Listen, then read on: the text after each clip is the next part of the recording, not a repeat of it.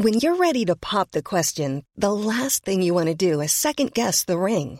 At Bluenile.com, you can design a one of a kind ring with the ease and convenience of shopping online. Choose your diamond and setting. When you find the one, you'll get it delivered right to your door. Go to Bluenile.com and use promo code LISTEN to get $50 off your purchase of $500 or more. That's code LISTEN at Bluenile.com for $50 off your purchase. Bluenile.com code LISTEN. Ready to start talking to your kids about financial literacy? Meet Greenlight, the debit card and money app that teaches kids and teens how to earn, save, spend wisely, and invest with your guardrails in place.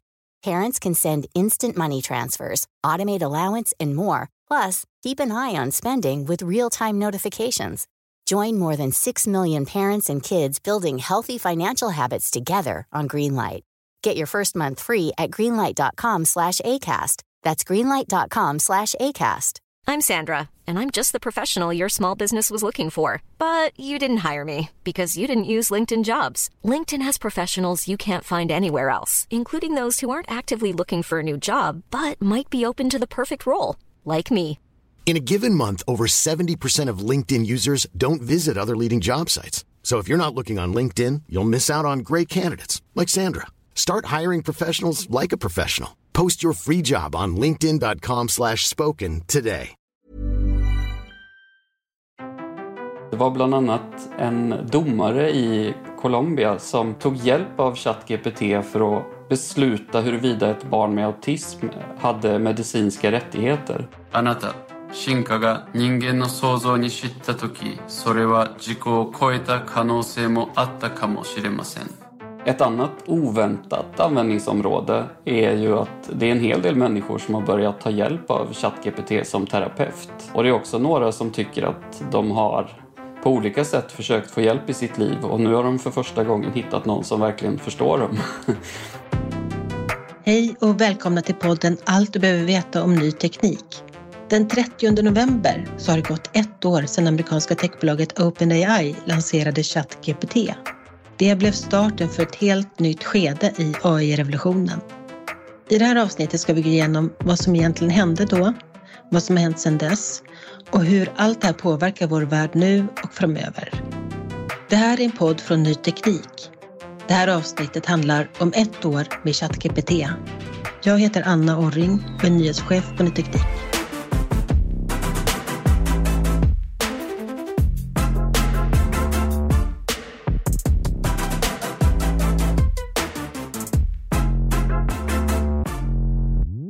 Som vår guide i det här så har vi med Ny Tekniks reporter Peter Ortsjö som i många år har följt AI-utvecklingen som journalist. Hej Peter! Hej!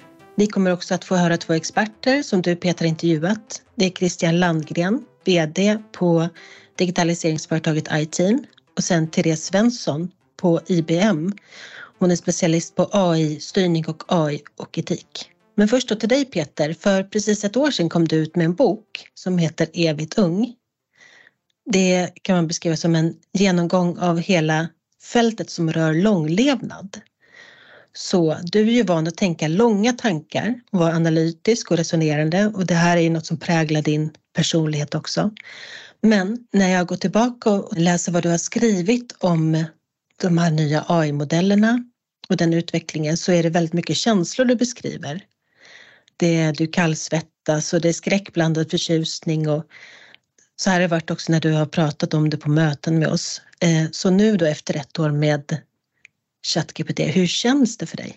Jag tror att skräcken har lagt sig och att jag är mer optimistisk än på länge. Vilket kanske verkar märkligt med tanke på hur diskussionen i övrigt eh, har sett ut det här året. Men jag personligen har förlikat mig med att även om det kanske är stor risk att någonting riktigt illa händer så är det ännu större chans att någonting riktigt bra händer. Och jag får försöka hålla mig till det.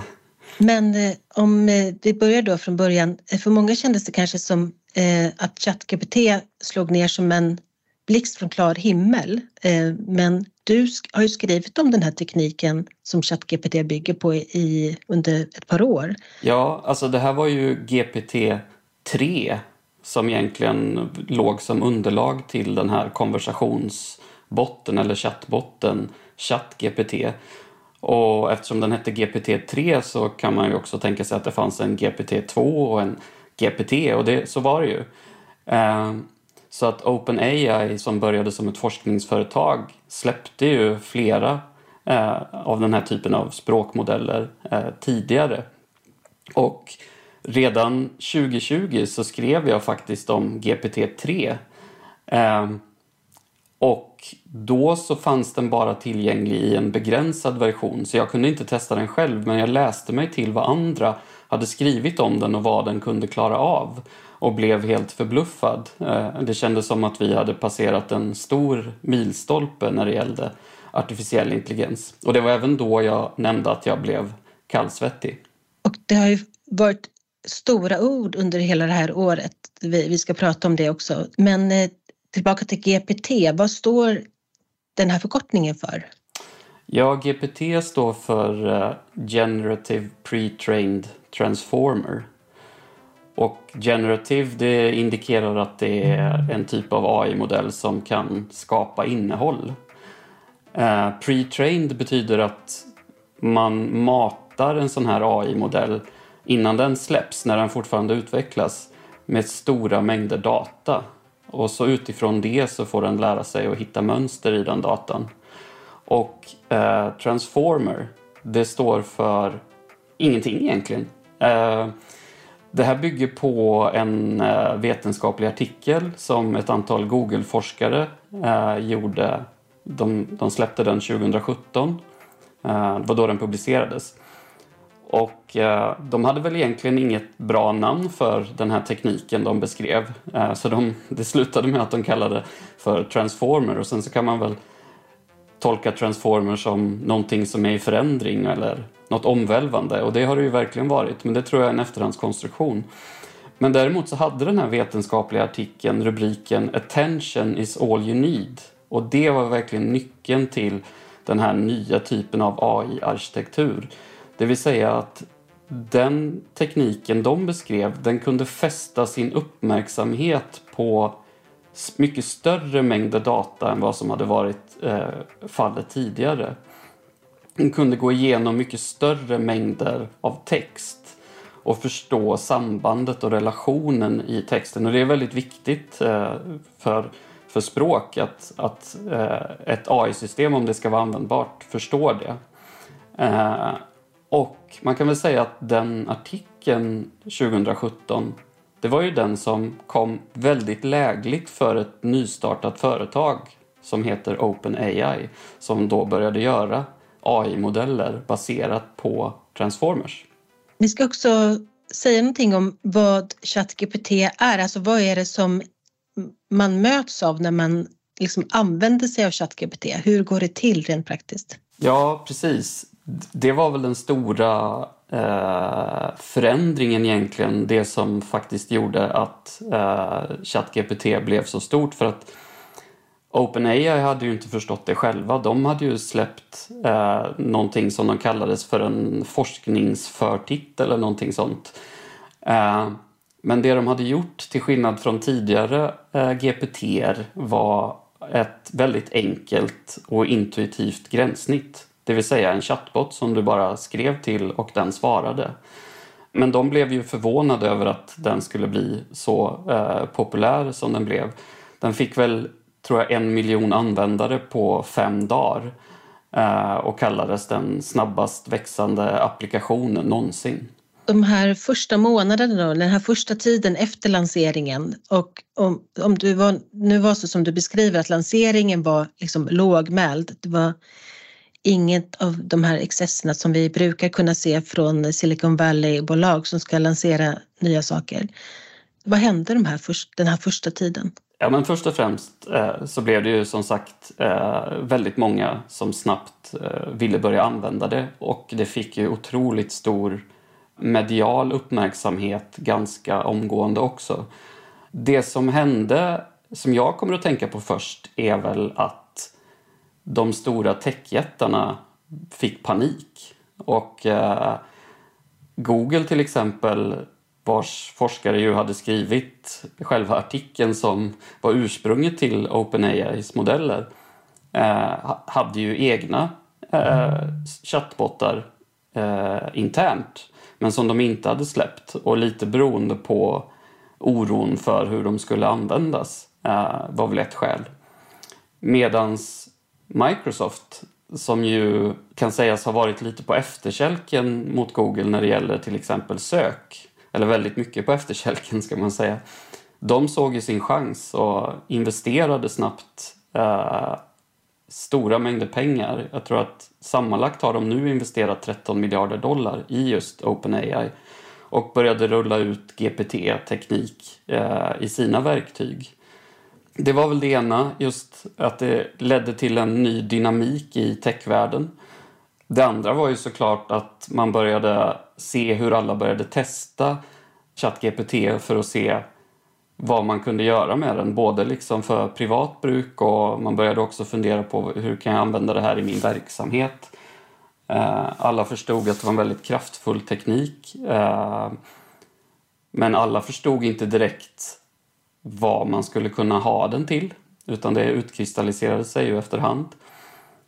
Och sen så var det ju också så att det blossade upp en debatt om hur kraftfull teknik kan vi egentligen skapa? Hur kraftfull kan AI bli? Eh, det har ju funnits både forskare och andra tänkare, filosofer som eh, Nick Boström till exempel, en svensk filosof som har varnat för att eh, artificiell intelligens till och med kan utgöra ett existentiellt hot. Och eh, de här rösterna blev ju mycket mer högljudda de här första månaderna och de skärpte tonen. Och eh, de fick också mer gensvar därför att när ChatGPT blev någonting som vem som helst kunde testa, inklusive journalister, så eh, började folk, tror jag, på riktigt ana eh, sprängkraften i den här tekniken. Så. Så det var väl det jag liksom tänker på när jag tänker på den allra första tiden med ChatGPT. Kan du ge några exempel, några exempel på det här, den diskussionen som började komma då om, om riskerna med denna typ av AI? Ja, det finns ju en väldigt eh, prominent röst när det gäller eh, existentiell risk och AI specifikt. Eh, och han heter Eliezer Jutkowski.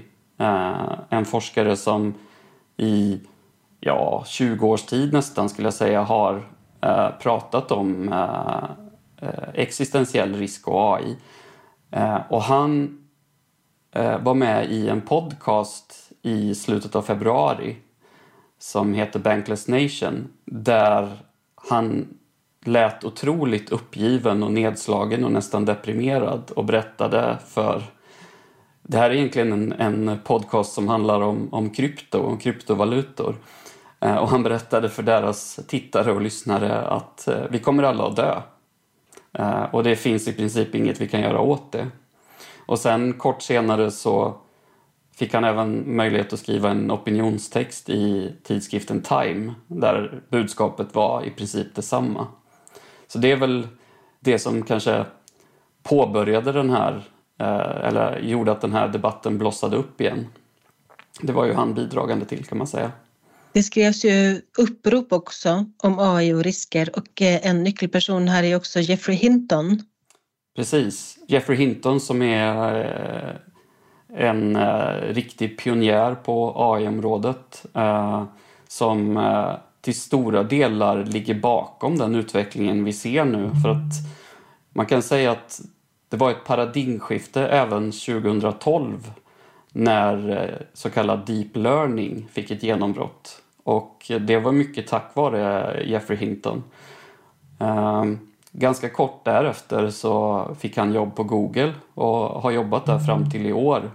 Och han har fram till i år också tonat ner riskerna med AI. Men nu är han så förbluffad över hur snabbt utvecklingen går att han har gjort en helomvändning och det kulminerade med att han sa upp sig från Google för att han kände att han ville kunna tala fritt om riskerna hädanefter.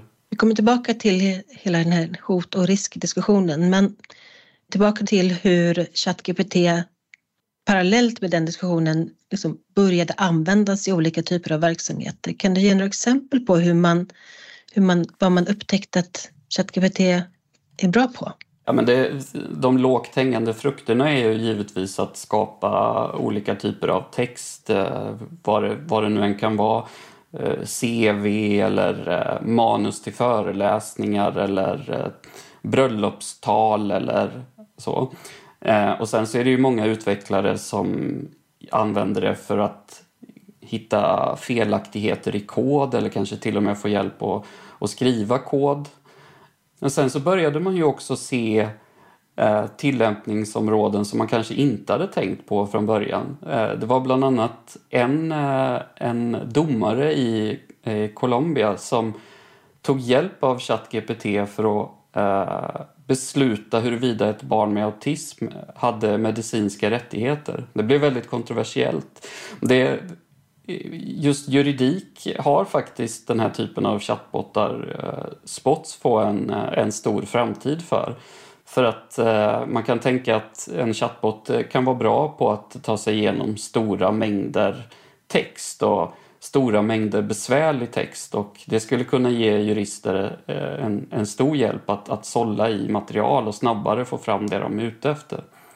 Ett annat kanske oväntat användningsområde är ju att det är en hel del människor som har börjat ta hjälp av ChatGPT som terapeut. Och det är också några som tycker att de har på olika sätt försökt få hjälp i sitt liv och nu har de för första gången hittat någon som verkligen förstår dem. Men man kan ju hålla på hur länge som helst med, med att hitta olika roliga exempel på hur eh, den här typen av verktyg används.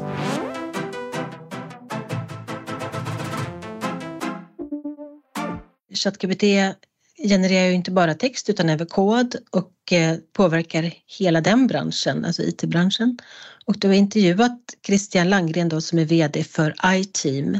Han är en aktiv röst i den här debatten om hur AI kan användas i den branschen. Peter, vad har han sett för konsekvenser och effekter av ChatGPT? Ja, men en sak som jag pratade med Christian om är ju frågan om vad det här kommer att få för konsekvenser för arbetsmarknaden. Det är ju ingen som riktigt vet. Många tror att det blir stora konsekvenser men exakt hur det kommer att slå är det fortfarande debatt om. Så jag frågade honom om hur iTeam har tänkt där när det gäller att eh, anställa ny personal. För just iTeam använder ju den här typen av verktyg väldigt mycket i sin verksamhet. Och då blev jag nyfiken på om han tänker att de inte längre behöver kanske juniora utvecklare jag pratar med massvis med ungdomar som berättar om hur de använder sig av ChatGPT för att starta företag till exempel. Och bygga nya lösningar och behöver inte längre seniora liksom, roller i sitt bolag för att de vet att de får hjälp att bygga sin pitch, de får hjälp att bygga sin strategi.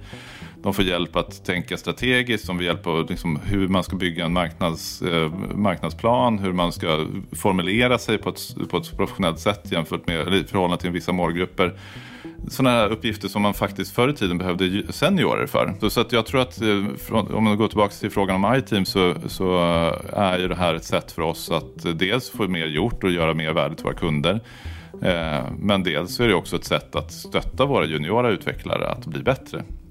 Och se till att de får verktyg att kunna, för det, man har ju inte alltid möjligheten att svara på varenda detaljfråga som man, som man sitter med. Och, så att när vi har praktikanter till exempel inne så så kan man säga att det här kan du fråga ChatGPT om. Uh, om du skickar in det där felmeddelandet så kan du göra det. Så då får de en förmåga att lära sig det lite mer. Peter, vi pratade ju tidigare om att AI-modellerna kräver stora mängder träningsdata och under våren så kom diskussionen igång om de olika AI-modellerna använder, tränas på ett bra underlag. Är det snedvridet? Är det fördomsfullt? Är det olämpligt? Eller inkräktar det på upphovsrättsskyddat material till exempel? Och det här har du intervjuat Therese Svensson om. Hon är AI-specialist på IBM. Vad pratade ni om? Vi pratade om eh, att IBM faktiskt, till skillnad från en del andra företag, tar väldigt allvarligt på hur man använder data när man tränar AI-modeller. Och Therese betonade flera gånger att de är ju ett business-to-business-företag, eh, så det är deras kunder, det är företag. Och deras kunder är angelägna om att veta vilken typ av data som där IBMs modeller bygger på. Så hon berättar lite om hur de tänker kring data de använder och hur de ser till att det görs på ett etiskt och korrekt sätt. Bland annat så eh, har vi ju sett en problematik eh, kring IP eller intellectual property eh, där de här modellerna, foundation models, är ju liksom tränade på enorma mängder data. Och när de då har blivit tränade på eh, upphovsrättsskyddat material ehm, så uppstår ju problem när de genererar nytt data som baserar sig på det här upphovsrättsskyddade materialet. Eh, så det, och det är ju liksom en, en utmaning som vi inte har sett tidigare, eller en risk som vi inte har sett tidigare. När IBM gör det här då börjar vi också med att liksom samla ihop en enorm mängd data. Men sen har vi väldigt många steg som vi går igenom och rensar datat innan vi faktiskt tränar våra modeller på det. Bland annat så har vi ett steg där vi liksom tar bort svartlistade URLer. Eh, vi har ett annat steg där vi Eh, ser till att eh, filtrera bort eh, språk som är liksom svordomar och stötande. Vi har ett annat steg där vi ser till att ta bort dubbletter i datat. Så att vi har en massa sådana steg där vi ser till att datat kommer från hemsidor och från källor som vi faktiskt litar på. Och sen så är vi också väldigt tydliga med att eh, presentera det här. Att ja, kollar man på en IBM-tränad modell så ska man också kunna veta vilket data den har blivit tränad på.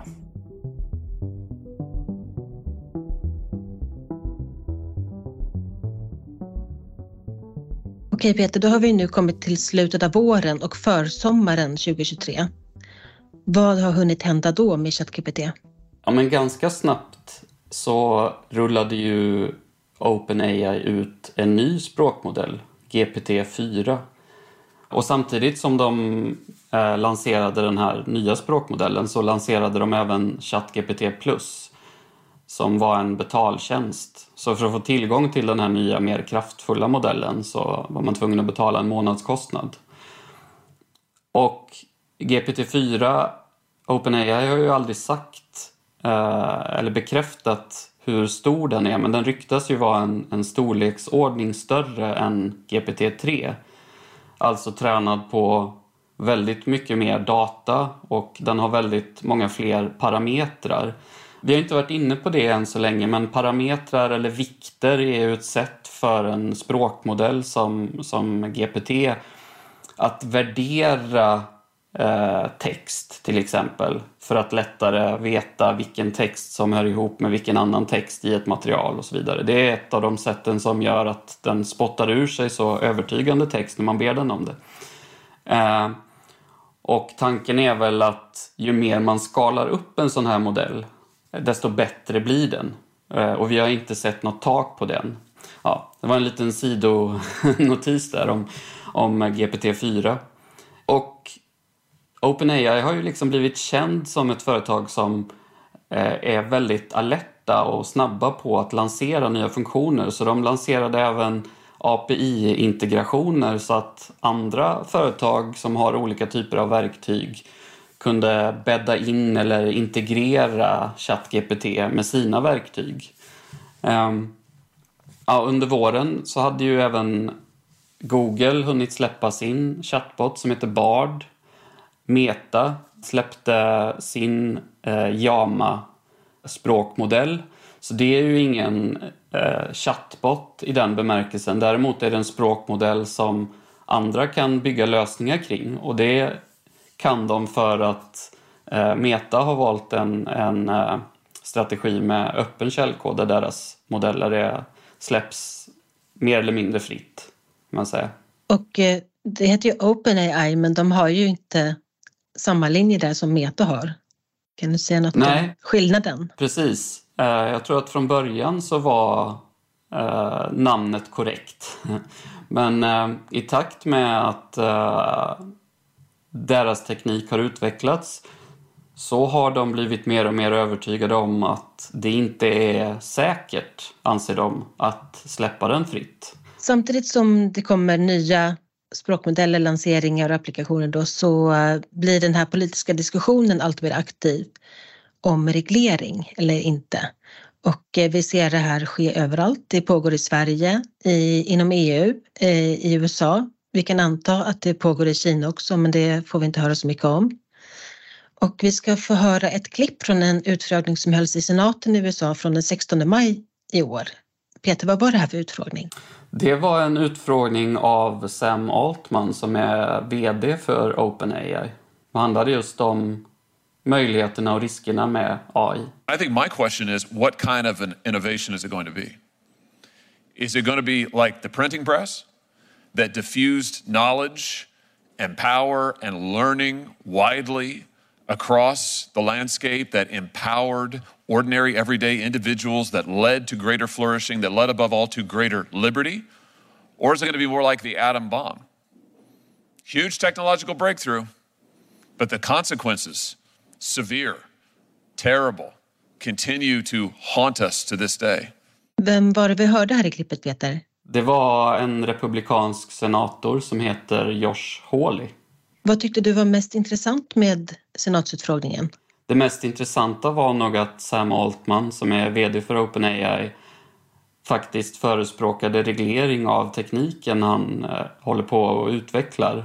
Och det är ganska ovanligt för när andra stora techledare har befunnit sig i den stolen han satt då så brukar de svara ganska eh, undvikande och eh, vill minimera allt tal om, om reglering. Medan Sam Altman tvärtom faktiskt förespråkade reglering. Sen är det många som har synpunkter på vilken typ av reglering han förespråkar. Men likväl så var det en speciell situation. Det andra som, om det inte var uppenbart redan innan, blev ganska uppenbart då är att många tycker att Sam Altman är eh, en väldigt charmig typ. Och eh, han har en förmåga att eh, han är likable, som man brukar säga. Eh, folk tycker om honom eh, och han framstår som ärlig. Ja, det här kanske fick betydelse under det vi ska prata om om en liten stund här. De ja. senaste veckornas utveckling. Men den här senatsutfrågningen och hela den politiska diskussionen om reglering, har det lett vidare någonstans? Ja, det har det. Eh, än så länge är det mest avsiktsförklaringar men man kan väl peka på två stora händelser. Det ena är att eh, Joe Biden faktiskt utfärdade ett presidentdekret där han... Det man kan ta med sig från det är att eh, amerikanska myndigheter ska få möjlighet att faktiskt gå igenom eh, hur en modell är tränad och vilka säkerhetsåtgärder som har vidtagits innan den här modellen får släppas, lanseras kommersiellt. Det andra som hände ungefär när Joe Biden utfärdade den här, eh, eh det här dekretet, nu har vi hoppat i tiden lite men nu är vi framme eh, i oktober, eh, var att det genomfördes en stor konferens på Bletchley Park i Storbritannien där eh, världsledare möttes för att diskutera hur man ska hantera AI framöver. Och eh, just där så skrevs det under en avsiktsförklaring men det ledde inte till några nya eh, regleringar. Men det var ändå 28 eh, länder plus EU tror jag som skrev på den och inklusive Kina faktiskt. Mm. Och man pratade om att den här typen av konferens som man genomförde där ska bli startet för kanske en årlig AI-konferens Eh, lite i stil med den typen av eh, klimatkonferenser som finns. Precis som du sa, nu har vi kommit fram till hösten då och det händer ju en rad grejer på AI-området under hösten. Kan du nämna några av de viktigaste, Peter? Ja, um, OpenAI höll ju sin första utvecklarkonferens där de uh, presenterade möjligheten att göra egna så kallade GPT-er, alltså att man kan skräddarsy egna chattbottar för specialområden och olika typer av tillämpningar.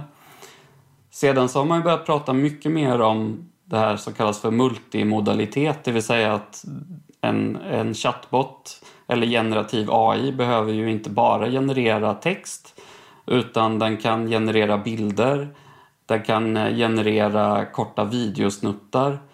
Eh, den kan analysera bilder. Den kan analysera video Eh, och eh, berätta om vad som sker i en bild eller vad som sker i en video. Sedan så just när det gäller ChatGPT så kom, fick ju den förmågan att lyssna och tala också. Vilket innebar att man kunde hålla en ganska naturlig konversation med, med sin chatbot bara genom att prata med den. Vi ska få lyssna på ett klipp när du gör något speciellt och då handlar det inte om ett OpenAI-verktyg. Kan du berätta? Nej, det är ett företag som heter Hagen som gör olika typer av lösningar och det jag har använt eh, går ut på att jag spelar in en video på engelska och eh, anledningen till att jag spelade in den på engelska var helt enkelt att den inte hade stöd för svenska, åtminstone inte vid tillfället när jag spelade in. Och sen så eh, ut på andra sidan så kom eh, versioner som jag bad om på tyska och på japanska. Anata, 進化が人間の想像に知ったとき、それは自己を超えた可能性もあったかもしれません。金貨の唯一の目的は遺伝子を次世代に伝えることであり、そのためには環境に使用しなければなりません。Vad sa du för något i klippet Peter? Jag tror jag pratade om evolutionen. Det var, det var till för en, ett panelsamtal på Tekniska museet. På tal om panelsamtal då och vara ute i världen och eh, representera sig själv så har du testat en annan ny funktion också. Ja, det är också HeyGen. Eh, där man helt enkelt kan skapa en digital klon eller avatar av sig själv. Som faktiskt är väldigt svår att skilja från originalet. Och det går till så att man spelar in en video som är mellan två och fem minuter lång. Och sen laddar man upp den till eh, HeyGen. Och därefter så får man sin digitala klon och det, allt jag behöver göra nu för att spela in en video med mig själv där det ser ut som att jag pratar och gestikulerar lite är att jag skriver en text och sen läses den texten upp. Det fick mig att tänka på att jag tror att vi faktiskt kommer att ha den här typen av digitala representationer av oss själva i framtiden som agerar åt oss utan att vi behöver lyfta ett finger.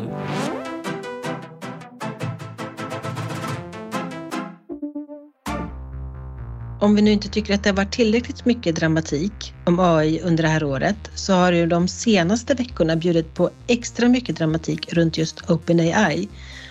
Peter, jag tänkte du ska kort få sammanfatta vad det är som har hänt. Ja, precis. För några veckor sedan så en fredag, sent på kvällen svensk tid, så kom ett besked att Sam Altman som är VD för OpenAI hade fått sparken. Och det var väldigt oväntat visade det sig för, inte bara för mig utan för alla andra också.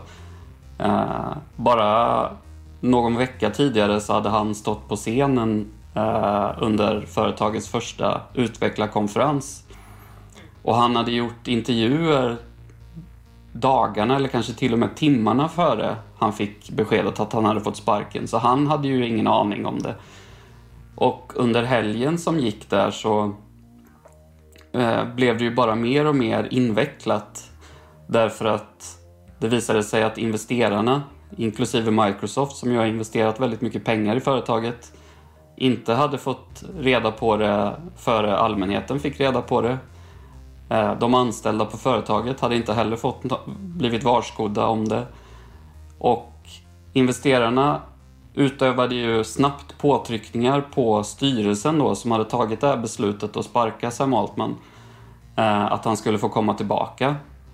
Och eh, de anställda gjorde ju i princip myteri och skrev på nästan alla på företaget, över 700 personer, Eh, skrev på en lista där de deklarerade att de tänkte säga upp sig om inte Sam Altman fick komma tillbaka. Det var ju även en annan medgrundare, Greg Brockman, som var styrelseordförande men blev av med sitt uppdrag. Men han blev erbjuden att stanna kvar i företaget men sade upp sig i lojalitet mot eh, Sam Altman. Och eh, styrelsen hade bara gett vaga orsaker till att eh, Sam Altman inte hade varit genomgående uppriktig i sin kommunikation utan att säga något mer än så. Eh, så det uppstod ju väldigt mycket spekulationer på nätet om vad det kunde vara. Och sen eh, på måndagen var det väl, så kom beskedet att han förmodligen skulle komma tillbaka som eh, VD. För vid det laget så var det ju ingen som visste om OpenAI överhuvudtaget skulle överleva om nästan samtliga på företaget skulle säga upp sig. Och det stod allt mer klart att det i princip var styrelsen som var på ena sidan och alla andra på den andra. Eh, då kan man ju fråga sig varför hände det här? Och ingen vet ju fortfarande riktigt, men ett av de starkaste ryktena eller eh, det det har spekulerats kanske flitigast om det är ju att eh, OpenAI faktiskt skulle ha utvecklat teknik som skrämmer delar av eh, företaget inklusive forskningschefen Ilja Sutskever. Och det man kan säga om honom är att i stil med Jeffrey Hinton så är han en av dem som liksom har banat väg för den moderna AI-revolutionen. Det var han och Jeffrey Hinton och en forskare till som låg bakom en vetenskaplig artikel som, som öppnade fältet för uh, deep learning-revolutionen kan man säga. Den vi nämnde tidigare i podden där. Precis.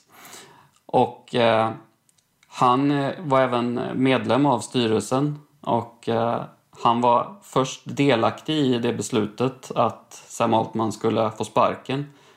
Men under helgen ångrade han sig djupt Och eh, ja, det slutade med att styrelsen gav sig helt enkelt. Och nu är Sam Altman tillbaka på OpenAI. Skulle du säga att det finns något i den här processen som har lugnat dem som eh, under våren bad att eh, liksom, man skulle pausa AI-utveckling eller i alla fall lanseringen av nya modeller? Nej, det tror jag inte. Därför att den här styrelsen eh, tillhör ju en ganska märklig bolagsstruktur där det inte är tillväxt och, och vinst framför allt utan där man faktiskt har haft det inbakat i systemet att man ska kunna dra i nödbromsen om man tycker att utvecklingen går för fort. Och sen visade det sig att det systemet eh, fungerar inte. Eh, och då är det många som tycker att eh, vinst och kapitalism vinner alltid i slutändan. Men jag har också valt att se det på ett lite annorlunda sätt. Eh, man kan leka med tanken på att OpenAI eh, hade en teknik som var väldigt mycket mer kraftfull än det vi har sett hittills. Och i praktiken så var ju det här, det som hände var att det var en liten styrelse på en handfull personer som bestämde sig för att ta tekniken som gisslan. Vilket inte heller är en bra situation.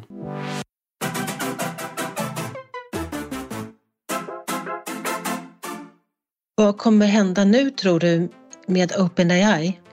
Det är svårt att svara på. De äh, söker ju en värdering nu som före allt detta hände, äh, innan Sam Altman fick sparken, troddes vara uppemot 90 miljarder dollar. Det är oklart om de kan nå en lika hög värdering den här gången när de söker nytt kapital. Men jag tror ju att överlag, oavsett om det är OpenAI eller något annat företag, så tror jag ju att den här konfliktytan mellan de som vill accelerera och de som vill bromsa kommer att bli skarpare. Eh, därför att i takt med att AI blir allt mer kraftfull och vi kommer att se prov på det så kommer också rösterna för att vi ska ta det väldigt försiktigt eh, bli ännu starkare. Så jag, jag, tror att det här var starten på en, en mycket större debatt eh, som kommer att fortgå i många år framöver. Vad ser du framför det närmaste året i övrigt som kommer hända på området? Ja, men det, det har faktiskt med det jag precis just sa att göra. Att vi kommer att se mer kraftfull AI och på ett sätt vi kommer att se det är att vi kommer att se inte bara chattbottar utan mer agenter. Alltså en typ av AI-system som är en vidareutveckling av chattbottar som faktiskt kan utföra handlingar på nätet eh, och inte bara generera innehåll. Eh, mer av en riktig digital assistent som eh, kanske sköter ärenden åt oss eller tar hand om vår e-post eller ja, möjligheterna är egentligen oändliga. Så och jag tror de begränsas bara av hur det här tas emot. För att återigen, om du skapar AI-system som kan utföra handlingar så blir säkerhetsaspekten ännu viktigare än att man bara kan eh, generera innehåll. Så det tror jag vi kommer att kunna se det närmsta året. Men sen framöver, jag är ju en av dem som eh, tror att det här kommer att kunna gå ganska snabbt. Och, och vad är det som kommer att gå snabbt? Jo, jag tror att vi kommer att närma oss det som kallas för artificiell generell intelligens. Jag har svårt att se att det skulle ta till eh, liksom 2040. Men eh, på 30-talet, om man nu kan kalla det så, tror jag definitivt att vi kommer att nå dit. Och med artificiell generell intelligens så pratar jag om en typ av datorsystem som kan utföra i princip allt en människa kan utföra. Tack Peter för att du var med oss i avsnittet och guidade oss genom det här året som har varit och allt som vi kan se ska ske framöver. Tack så mycket. Tack själv. Tack till dig som har lyssnat. Om du vill läsa mer om AI-utvecklingen under det här året så lägger vi länkar i avsnittsbeskrivningen. Om du vill fråga något eller ha synpunkter på innehållet så går det bra att höra av sig till mejladressen redaktionen nyteknik.se. Missa inte våra övriga poddar. Vi har serien Svenska snillen och vi har vår rymdpodd Intergalaktiskt som startar säsong två nu. Håll ögon och öron öppna efter det. Hej då!